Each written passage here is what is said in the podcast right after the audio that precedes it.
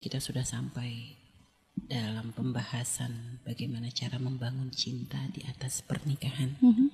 Karena kan kita sering sekali menyampaikan hendaknya bukan pernikahan dibangun di atas cinta, tapi cinta dibangun di dalam pernikahan. Karena kalau sudah pernikahan dibangun di atas cinta, jadi seakan-akan ya harus cinta dulu Mhm. baru menikah. Ya. Padahal pun ternyata tidak sedikit yang seperti itu ujung-ujungnya nggak jadi nikah gitu.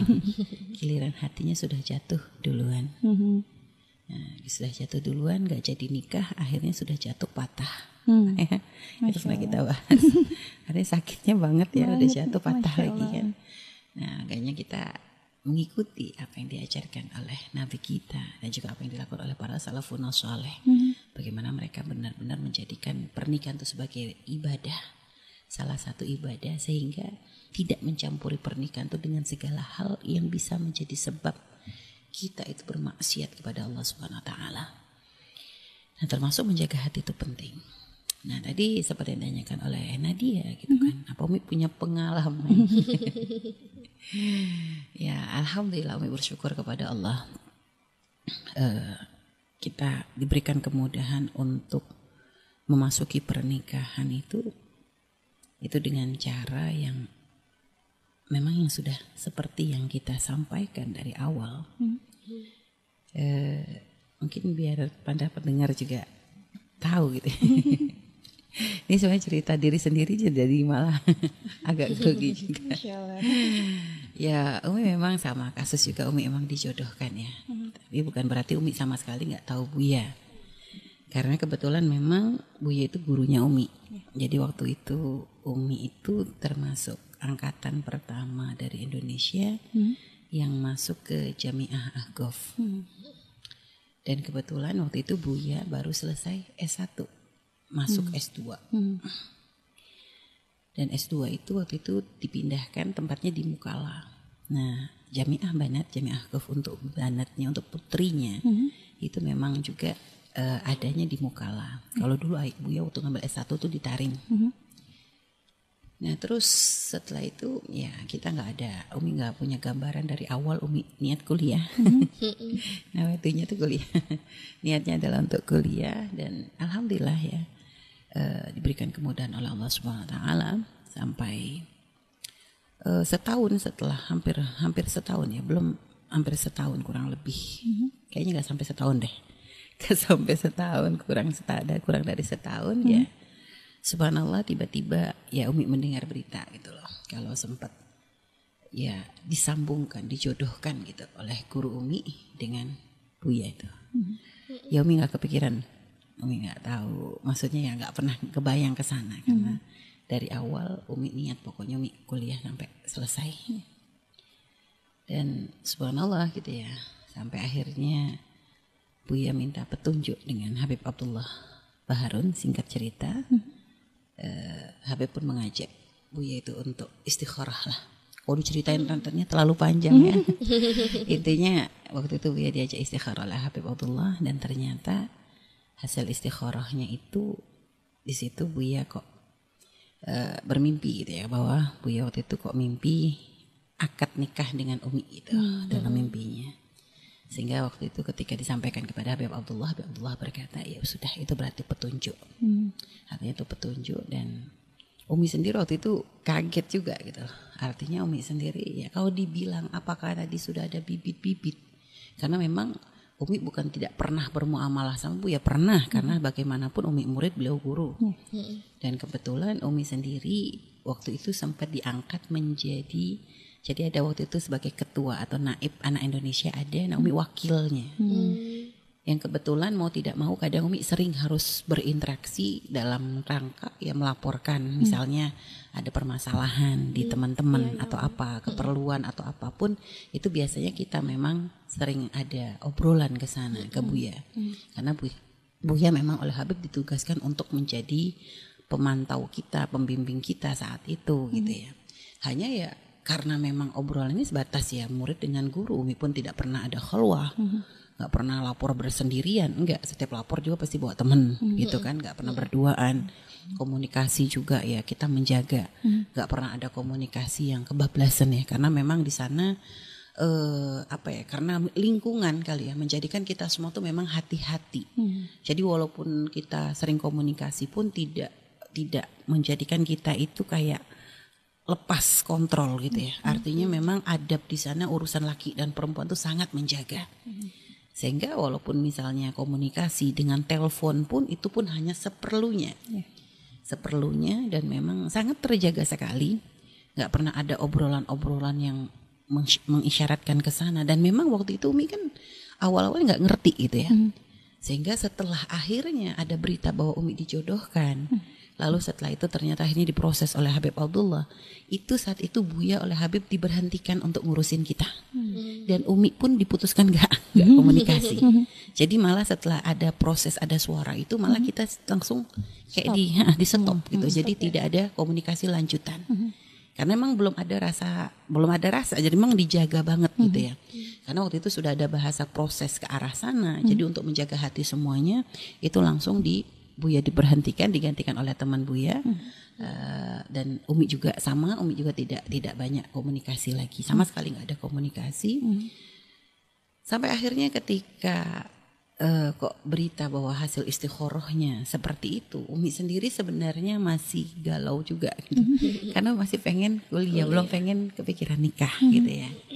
Hanya waktu itu tiba-tiba ibu orang tua Umi telepon lalu ngomong kamu dilamar ya sama eh, apa gurumu gitu kan. Artinya iya ibu gimana? gitu kan. Kalau kata ibu kalau sudah orang soleh yang meminta jangan kamu tolak ya nak. Ibu hanya ngasih tahu begitu. Terus akhirnya Umi sedih ngomong ibu tapi kalau nanti iyain nikahnya cepet. Kata ibu ya sudah kalau emang itu kata gurumu suruh ngikut gitu loh ya alhamdulillahnya kami punya orang tua itu ya pasrah juga gitu ya. Artinya kan memang ayah ibu sendiri ya memang ada pondok pesantren. Tapi pun alhamdulillah ayah ibu sendiri pun tidak pernah mengajarkan kami itu ya karena memang merasa punya pondok terus seenak enggak juga. Alhamdulillah ayah ibu tetap mengajarkan kami juga untuk patuh kepada guru gitu ya pasrah. Dan akhirnya Buya pun sudah istikharah dari Habib seperti itu dan kebetulan juga Buya meminta kepada Umi sama abahnya untuk istikharah juga. Ya alhamdulillahnya waktu itu kebetulan Uminya Buya itu minta petunjuk kepada seorang kiai yang memang menjadi eh, pegangannya maksudnya pegangannya Umi sama mertua, abah sama Umi mertua itu ya. Itu eh, ada ya khobir ya, masya Allah beliau orang soleh, ada di daerah Tulungagung sana dan ternyata ketika meminta petunjuk pun beliau memang mengisyaratkan eh, hasilnya baik. Kita artinya memang eh, ya arahnya ke sana. Kita artinya beliau mengatakan sudah em, Pontianak baik insya Allah gitu. Harus kan memang orang Pontianak ya sudah akhirnya ya kayak ada banyak kemudahan gitu. Dan memang Umi merasa ya kalau rasa ya belum ya. Kalau dibilang kagum sebagai seorang murid kepada guru oke gitu. Tapi kalau sampai sampai ada rasa bibit atau gimana debar dan sebagainya ya belum belum sampai ke sampai belum sampai ke situ. Hanya ya merasa ini adalah pilihan guru ini adalah pilihan orang tua. Umi pikir apalagi yang mau dicari? gitu. Loh Lalu berkahnya hidup kita kan di situ. Ketika kita bisa patuh kepada orang tua, ketika kita bisa patuh kepada guru gitu. Hanya memang gitu ya, ketika memang kita mendengar berita bahwa kita kok dijodohkan, ya sempat ada kayak gimana gitu. Maksudnya ada eh, bukan ya kaget mungkin lebih kepada itu. Hanya setelah Umi tahu bahwa Umi dijodohkan, tapi belum ada keputusan apakah ini hasil istikharahnya baik atau enggak dari Habib dan juga dari orang tua juga belum ada kabar. Umi hanya ingat banget gitu ya. Waktu itu Umi hanya minta selalu meminta kepada Allah ketika sholat, ketika kita bermunajat, Umi minta kepada Allah ya Allah, kalau memang yang terbaik gitu kan, artinya berikan kemudahan. Kalau memang enggak gitu, jangan sampai ada rasa. Umi nggak mau kayak ada rasa dulu gitu, Umi nggak pengen. eh, artinya kalau memang eh, nggak ad- memang memang tidak jodohnya, gitu. Artinya tidak tidak tidak tersambungkan nantinya. Semoga jangan sampai jatuh cinta, jangan sampai rasa senang duluan. Umi nggak mau ngerasain senang kepada orang yang ternyata bukan menjadi pasangannya Umi gitu loh. Hanya itu aja Umi minta kepada Allah dan alhamdulillah itu doa tuh benar-benar dikabul. Makanya kita kalau minta kepada Allah jangan ragu. Artinya kita yakin kepada Allah. Karena Umi tahu kalau sampai Umi seneng nggak taunya nanti nggak jadi. Sakitnya kayak apa gitu loh. Sehingga maka Umi minta selagi memang dia itu tidak bukan yang terbaik untuk Umi. Artinya bukan yang Allah pilihkan untuk Umi. Ya ngapain Umi minta supaya seneng? Nggak Umi minta supaya hati Umi dijaga jangan sampai seneng. Itu. Dan alhamdulillah benar-benar dijaga oleh Allah gitu ya. Umi nggak nggak memang nggak nggak seneng gitu. Sampai ketika akhirnya ada berita bahwa memang ternyata hasil istikharahnya bagus. Dan setelah itu Umi dalam proses untuk kepernikahan ya sudah Umi tinggal pasrah kepada Allah. Ada bentuk patuhnya Umi kepada orang tua dan juga guru. Dan alhamdulillah Umi punya guru tuh yang masya Allah memberikan kekuatan juga. Artinya memberikan ketenangan di hati Umi gitu ya dan alhamdulillah dimudahkan oleh Allah gitu ya sampai ketika kita menikah gitu. Umi menikah waktu itu di hari Senin ya, Buya akad nikah, tapi Umi nggak ketemu sama Buya juga. Dan ya sampai proses menikah tuh memang nggak pernah ada interaksi khusus sama sekali nggak ada. Bahkan ketika kita sebelum menikah gitu ya, waktu itu kita harus ngurus surat di pemerintahan Yaman gitu ya, karena pernikahan kita kan kita nggak mau sembarangan, kita resmi. Kita ke pernik uh, ke tempat itu gitu kan, terus ya itulah itu, itu pun nggak jalannya bukan ber, waktu pergi ke tempat itu sama Buya tuh nggak sendiri Umi diantar sama abang Umi Wah, ketemuan sama Buya di situ itu pun Umi pun nggak banyak interaksi hanya tanda tangan. Yang nggak ada ngomong nggak gimana tanda tangan tanda tangan toh habis itu dipulangin lagi ke asrama. udah tahu-tahu hari Seninnya udah akad nikah. Dan Umi akad nikah dulu nggak nggak nggak ngikutin juga. Karena akad nikahnya waktu itu di Hami. Kebetulan Al Habib Abdullah Baharun saat itu mengadakan acara uh, Maulid ya. Beliau setiap tanggal 21 Robiul Awal tuh beliau mengadakan acara Maulid Nabi Muhammad SAW di Hami. Di Hami itu ada tempat beliau, tempat keluarga beliau, de, kampungnya beliau. Dan di situ ada satu masjid yang memang didirikan oleh uh, abahnya beliau gitu yang beliau, masya Allah beliau adalah seorang soleh, seorang wali, artinya seorang yang sangat uh, dihormati gitu ya. Sehingga waktu itu Mang Habib itu selalu mengadakan acara di masjid tersebut. Nah, memang karena bertepatan dengan itu akhirnya Habib pun e, mengadakan acara Hmm. Maulid itu sekalian langsung akad nikahnya kita ya di dalam acara tersebut. Hmm. Umi itu baru dengernya itu besoknya. besoknya ya karena kan direkam itu pun pakai rekaman nggak pakai nggak ada handphone waktu itu. Jadi Umi denger rekamannya pas lagi di kampus. Umi pergi ke kampus hari Selasa itu Umi masih ngampus. Allah. masih ngampus Umi tiba-tiba dikasih rekaman eh, tentang akad nikahnya dan baru Umi itu nanti dipertemukan sama Buya itu hari Rabu malam Kamis ya. Hari Rabu malam Kamis jadi ada jeda dua hari gitu. Hanya ya karena sudah halal gitu ya. Karena sudah halal ya akhirnya Buya itu memang mungkin ya hari Senin itu kan sudah halal. Cuma memang kita belum ketemu gitu karena memang belum acaranya jadi Buya pun ya sabar juga nggak buru-buru nemuin. Umi juga ya nggak buru-buru nemuin juga. Hanya memang waktu itu Buya sudah mulai apa ya kamu dibilang Buya kayak langsung nulis eh, ngasih Umi hadiah di hari Selasa sore itu. Umi dapat kiriman hadiah dari Buya hadiah pertama dari suami. Bukan cincin bukan apa Buya ngasih Umi buku dua buku tulis gitu yang ketika Umi bu- bu- baca buka gitu ya ternyata isinya tuh puisi Buya dadakan bikin Masya Allah. isinya dadakan gitu ya. Jadi baru bikinnya tuh semalam kata Bu ya. Jadi setelah akad nikah Bu ya kirim puisi. Ya dari situlah Umi tuh ya rasanya sudahlah Insya Allah Umi semakin apa ya hati tenang dan memang sebelum menikah tuh sehari sebelum menikah juga Umi dipanggil oleh Habib Abdullah dan juga oleh Syarifah Sakinah eh, istri beliau dan waktu itu Syarifah Sakinah ngelihat mungkin ketakutannya Umi. Umi waktu itu memang ada tuh gemeter, Umi ketakutan, Umi bingung gitu. Ini beneran tah Umi itu mau nikah gitu ya. Saat itu beliau langsung ngomong virus insya Allah dia orang baik. Ya sudah dan akhirnya Habib Abdullah pun juga menyampaikan pesan virus katanya. Eh, ke Buya juga itu, ke Buya juga sama, ke kita juga intinya eh, ke Buya virus Yahya gitu. Virus itu bukan wanita yang paling baik di antara semuanya. Yang lebih baik dari dia banyak. Tapi insya Allah dia adalah yang terbaik yang Allah pilihkan untukmu.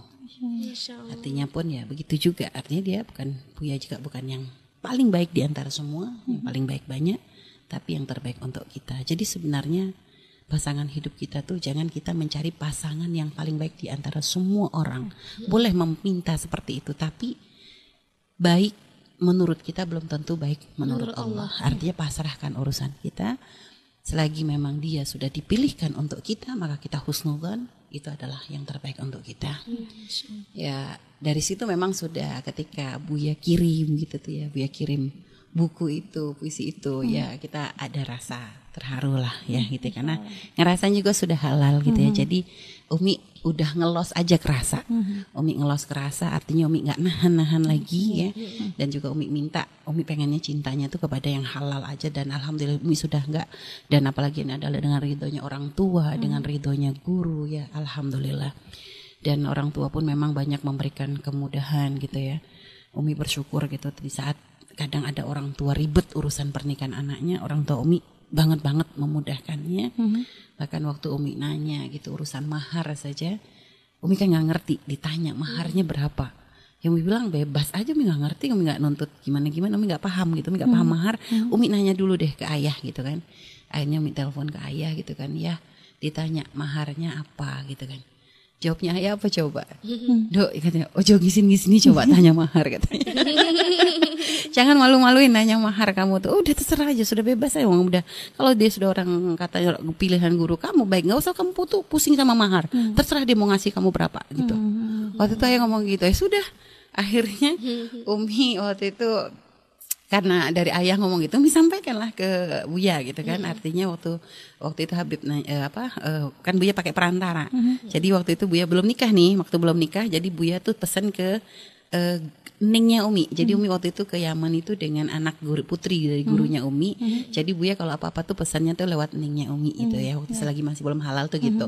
Nah, akhirnya Umi sampaikan lagi gitu pesannya ayah sudah bebas. Akhirnya waktu itu sempet ya masalah mahar itu ya eh, karena bebas kebetulan memang Buya duitnya habis. Jadi waktu mau nikah, karena kan Buya nyiapin untuk acara, nyiapin untuk rumah gitu kan, nyiap-nyiapin tempat untuk nanti kita tinggal itu, akhirnya Buya tuh kehabisan duit gitu. Akhirnya ada duit sisanya tuh kata Buya cuma 300 real. 300 real Yaman ya, bukan real Saudi. 300 real Yaman itu kalau diduitin dulu tuh sekitar 15-an ribu. Allah. Akhirnya kata Buya ya udah 300 real untuk mahar. Akhirnya dilaporkan ke Habib Abdullah. Laporkan ke Habib Abdullah. Habib Abdullah ngamuk kata, enak banget kamu ngasih 300. Jadi waktu itu Habib Abdullah langsung ngomong, nggak ada, nggak ada sama 300 kamu tuh. Habib Abdullah yang ngomel ternyata. Sudah katanya langsung Habib Abdullah menetapkan maharnya 10 ribu real. Ya 300 ke 10 ribu. Kata Buya, aduh gak punya duitnya. Yaudah deh gampang ngutang dulu. Jadi waktu itu ya sudah pokoknya dah yang penting kata yang penting halal kan masalah masalah kontan nggak kontan ya terserah gitu loh. Akhirnya sepuluh ribu itu kata Habib ditetapkan ya waktu pas Buya ini sepuluh ribu di ini kan. Ya subhanallahnya kata Buya tuh itu memang yang ya subhanallah kami punya guru tuh luar biasa banget gitu ya mikirin anak-anak muridnya tuh insya Allah seluruhnya gitu.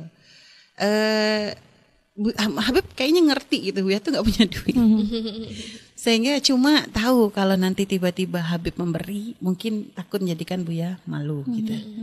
Sehingga akhirnya apa habis akad nikah tiba-tiba ada orang orang yang Buya tuh nggak kenal. Buya nggak kenal siapa beliau tiba-tiba orang itu ngasih amplop.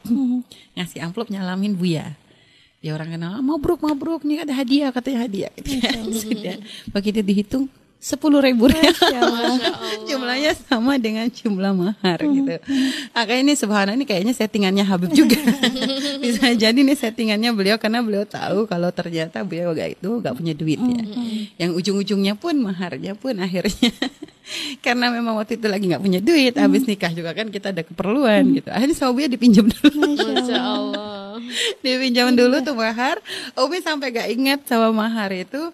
Tiba-tiba Buya sendiri inget ngasih mahar itu setelah kapan? Setelah Umi punya anak yang ketiga. Itu Umi udah di Cirebon udah di Cirebon Umi punya anak yang ketiga Muhammad itu. Waktu itu tiba-tiba Buya ngasih uang katanya. Buya lupa katanya maharnya dulu belum dibayar. Kita Masya Allah kita nggak pernah mikir karena ya Alhamdulillah selama ini yang ngerasanya ngapain juga mau mafakoh juga kita dapat. Artinya nggak pernah ada yang inilah. Akhirnya ya waktu Buya kasih ya sudah gitu. Hanya waktu itu memang eh, pernah ya Umi cerita mahar tuh diapain nih duit mahar nih? Umi tuh nggak ngerti.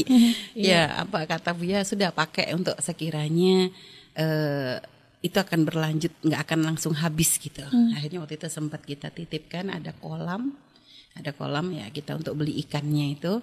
Nah, pakai duit itu nanti diniatin untuk tamu-tamu biar berkah lah gitu. Jadi akhirnya ya dipakai untuk itu. Ya alhamdulillah gitu ya. Jadi kalau nanti terus untuk masalah rasa gimana? Ya setelah menikah gitu ya. Artinya kan bagaimanapun Umi tahu beliau adalah orang yang memang dipilihkan oleh guru. Tapi kan Umi tahu beliau adalah orang yang insya Allah lah ya lebih baik gitu ya. Artinya akhlak baik itu kan yang kadang menjadikan kita mudah untuk tersentuh ya. Akhlak yang baik dan Umi menemukan selama bermuamal dari awal itu Buya pun memang sudah menegaskan gitu ketemu mal, Rabu malam malam Kamis Terus hari Kamis sore itu kebetulan Umi ada acara haflah dengan Banat gitu ya. Nah baru kita benar-benar nyantai itu di hari Jumat gitu. Jadi acara tuh dua hari malam Lailatul Zafaf tuh malam ketemuan. Besoknya tuh kita dipestain sama teman-teman gitu. Masya Allah. Khusus Banat itu di hari Kamis sore. Hari Jumat itu inget banget gitu waktu kita makan eh, bareng gitu. Karena emang sebelum kemarin-kemarin nggak sempet gitu ya untuk makan bareng karena banyak tamu yang yang yang, yang bantuin teman-teman yang diaman bantuin.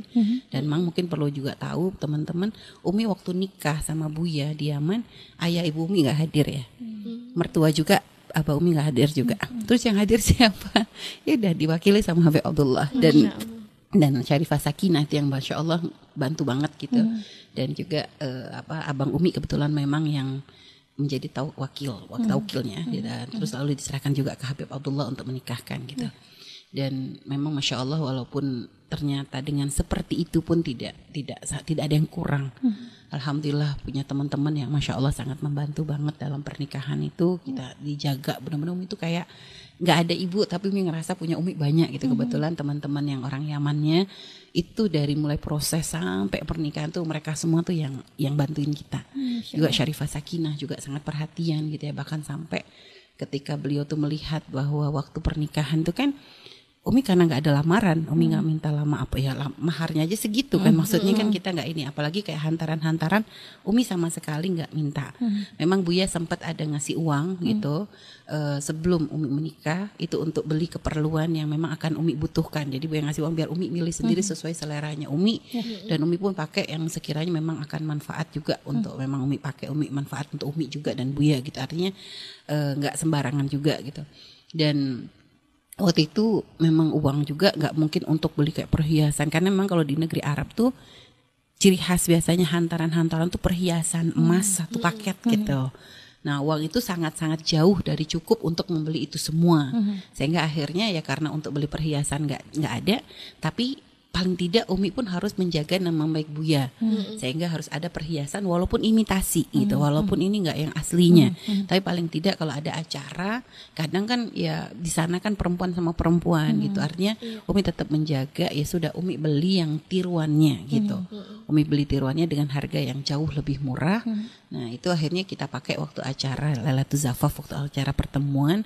Karena putih-putih ya perhiasannya juga ambil yang putih-putih. Kan Umi kan nggak terlalu suka yang yang yang yang model emas-emasan ya memang nggak suka juga gitu. Akhirnya pas hari keduanya pas acara sama Banet perhiasan itu mau mi pakai lagi. Dilihat oleh Syarifah Sakinah. Virus katanya nggak ada emasnya katanya.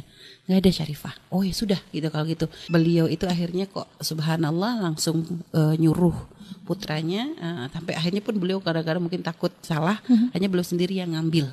Beliau sendiri ngambil ke rumah beliau lalu datang itu dengan membawa perhiasan emas. Lalu beliau bilang virus nih pakai untuk acara katanya. Ini ini perhiasan lamarannya Habib waktu ke Syarifah gitu. Makanya Allah rasanya ah gimana ya, kalau speechless. Rasanya ya Allah gitu banget gitu ya guru tuh ya. Sampai segitunya kita dipinjemin lamarannya beliau gitu kan. Akhirnya ya kita bersyukur banget ya alhamdulillah eh, di saat Umi nggak ada orang tua yang hadir tapi Allah kasih orang tua yang masya Allah luar biasa itu guru yang luar biasa yang mem, yang nggak cuma sekedar guru tapi juga ya seperti orang tua. Ya alhamdulillah dimudahkan semuanya. Sampai ya itu akhirnya kita pakai untuk acara itu. Nah setelah beres acara nih ya artinya hari Jumat itu subhanallah waktu itu pas makan sama Buya itu ingat banget setelah selesai makan Buya tuh ngomong eh manggilnya Yus ya. Jadi Umi panggil salah Buya manggil Umi itu Ius. Jadi Yus katanya kan kalau Umi manggil Buya tuh waktu itu masih Ustad. Umi sampai seminggu Umi belum bisa ngilangin gelar Ustad. Sampai Umi itu di diejekin ya sama ada Amu yang suka bantuin kita kalau belanja-belanja di Sakan di asrama tuh dia bilang virus katanya dia tahu Umi manggil Ustad. Katanya ada Yahya kata ini Yahya bukan Ustad dia bilang gitu. Ya, ya bilang kita udah ketawa aja nggak bisa ngomong habis gimana? Nggak bisa dipaksain. Jadi masih manggilnya tuh Ustadz gitu kan. Akhirnya kata Buya tuh waktu bilang katanya kita menikah ini karena Allah. Artinya selama pernikahan ya semua tujuannya harus jelas.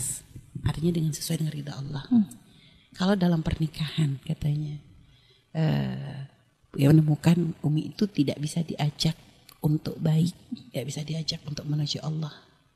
Ya maka Buya nggak akan ragu untuk meninggalkan sama kata Buya kalau ternyata waktu Yus lihat kata yang Buya tuh nggak baik nggak bisa diajak untuk menuju kepada Allah. Artinya ya tidak baiklah. Artinya maka selamatkan diri. Kalau punya anak selamatkan anak. Jangan sampai kalah dengan rasa gitu lah. Artinya Buya waktu itu nekankan jangan sampai kalah dengan rasa. Hanya karena ada rasa cinta akhirnya kita mengalahkan urusan kita dengan Allah. Karena kan masalah la yu'minu ahadukum hatta akuna ahabba ilahi min walidi walidi wa nasi ajma'in. Ya, nggak iman kalau kamu tuh nggak bisa mencintaiku kata Nabi melebihi cintamu kepada orang tua, kepada anak, kepada semua manusia. Ini kan memang sebenarnya tidak akan pernah bertentangan. Artinya cinta kita kepada orang tua, kepada anak, kepada suami, kepada istri, kepada siapa pun, ini jangan sampai menjadikan kita melanggar Allah. Kan maknanya kan begitu. Bukan berarti kita cuek dengan yang di dunia, dengan ini dengan orang setaranya jangan sampai mencintai mereka tapi menjadikan kita melanggar Allah. Itu kuncinya. Sehingga artinya ya itulah yang ditekankan oleh Buya tuh di awal ada kalau Mang Umi ternyata menemukan Buya tuh nggak nggak baik misalnya naudzubillah ya. Semoga Allah menjaga semuanya. Eh, artinya jangan ragu untuk meninggalkan. Selamatkan diri selamatkan anak-anak. Ya dari situ dong akhirnya kan tambah lagi kan ada rasa kagum. Ya tentu ketika awal-awal ada hal-hal yang kadang kaget ya. Cuma apa ya karena memang kalau hati kita itu masih blong hati kita masih belum ada rasa kita nggak pernah ada senang dengan seseorang. Artinya benar-benar hati kita tuh memasuki pernikahan tuh dengan plong gitu aja. Maka menumbuhkan cinta kalau kata Umi sangat mudah gitu ya. Karena gimana? Orang hatinya kosong ngisinya gampang. Kalau kalau kayak botol kosong itu kan ngisinya gampang. Yang susah itu kalau sudah penuh diisi tumpah gitu loh nah ibaratnya gitu loh. Makanya ketika itu kan kita masuk kosong kita nggak punya rasa ke siapa-siapa. Sehingga ketika akhirnya ketemunya ya dia apalagi itu sudah pilihan orang tua pilihan guru dan dia sudah halal untuk kita maka kayaknya mengisinya tuh sangat mudah gitu.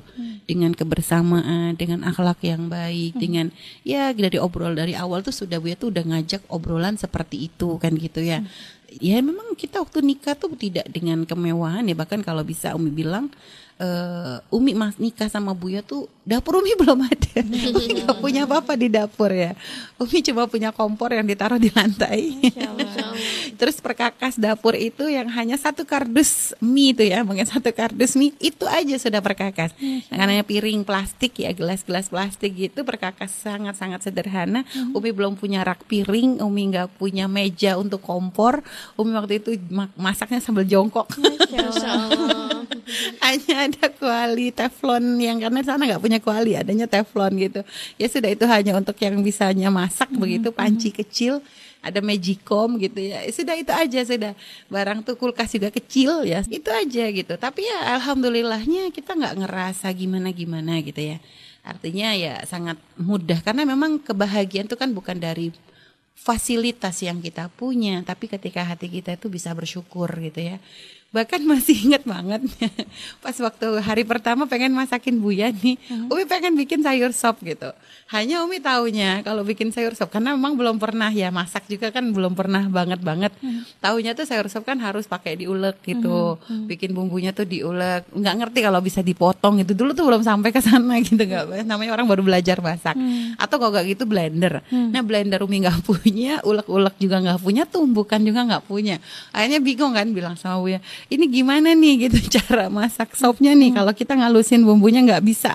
Tenang kata Buya. Ada cara. Akhirnya sama Buya. Sini katanya bumbunya tuh. Oleh Buya dibawa di apa Buya bawa plastik gitu kan, bawa plastik gitu, terus udah katanya ntar lagi halus kata Buya. Buya terus keluar rumah, Umi nggak ngerti Buya ke mana. Tiba-tiba Umi, Umi pikir mungkin Buya ke warung tah ngalusin gitu. Ternyata eh, apa se- sebentar Buya udah datang lagi. Lo kok cepet? Ya emang gampang, emang diapain kata. Tuh ada batu depan rumah. Allah. Jadi plastiknya itu sama Buya dikasih bawang, terus ditumbukin pakai batu depan rumah, bawa masuk lagi gitu ya. Umi itu sampai waktu itu tuh ketawa aja ngelihat cara masak yang masya Allah banget gitu. Ya sudah akhirnya ya itu jadi apa ya dengan hal-hal begitu tuh malah sampai sekarang tuh terkenang gitu, terkenang banget gitu kan. Ya Allah rasanya lucu gitu ya waktu itu tuh kita tuh kayak orang main rumah-rumahan kalau kata Umi.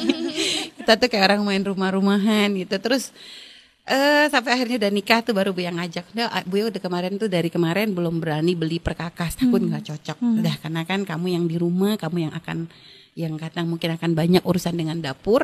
Makanya bu tuh pengennya tuh kita yang memilih sendiri sesuai kebutuhan. Ya sudah akhirnya ya sesuai kebutuhan aja karena duit pun nggak banyak sisa yang bisa dibeli memang urgent urgent itu yang kita beli. Dan alhamdulillah gitu ya bulan madunya ada mi. Enggak nggak pakai bulan madu. Umi hanya waktu itu diajak kayak ke pasar malam. Gitu hanya waktu itu diajak jalan aja gitu sama kebetulan ada teman Buya bisa nggak ayo Pak Yahya kata kita ke pantai. Dan jangan mikir pantai di sana tuh kayak pantai di Indonesia ya pantai di sana muhtarom banget terhormat banget. Nggak ada perempuan semua perempuan di sana pakai cadar juga gitu. Jadi pantai itu ya hanya suami istri sama istri gitu. Jadi ada ya kita ngeliat aja ke pantai gitu kan sambil ya sambil ya kita PDKT-nya kan saat itu gitu. Sambil saling bercerita gitu dan memang setelah nikah tuh kan akhirnya kan banyak cerita waktu pas malam pertama ketemu gitu tuh. Ya kita setelah itu tuh bercerita. Sama Buya tuh banyak cerita. Buya nanya Umi gimana? Dari masa kecil kita juga begitu gitu. Memang malam tuh sampai kayaknya kita tuh cerita tuh sampai malam gitu. Sampai malam banget kita kayak komunikasi awal kita kan di situ gitu. Benar-benar komunikasi itu tuh ya di hari pertama kita bertemu tuh itu memang kita gunakan untuk momen lebih mengenal. Ya kata Umi dari situ tuh rasanya nggak susah untuk menumbuhkan cinta ya. Benar ya nggak susah. Makanya kalau ada orang katanya itu karena mereka belum menjalaninya. Kalau bagi kami yang sudah menjalaninya dengan cara seperti itu menumbuhkan cinta di pintu halal itu sangat-sangat mudah. Kenapa karena Allah yang punya hati. Dan kalau kita berada di jalan yang Allah ridhoi sangat mudah Allah untuk memberikannya itu kepada kita. Allah yang punya rasa cinta Allah punya hati kita Allah yang bisa memberikan cinta. Maka gak susah. Makanya jangan ragu untuk menuju jalan yang diri dari Allah karena di situ ada banyak kebaikan dan keberkahan insya Allah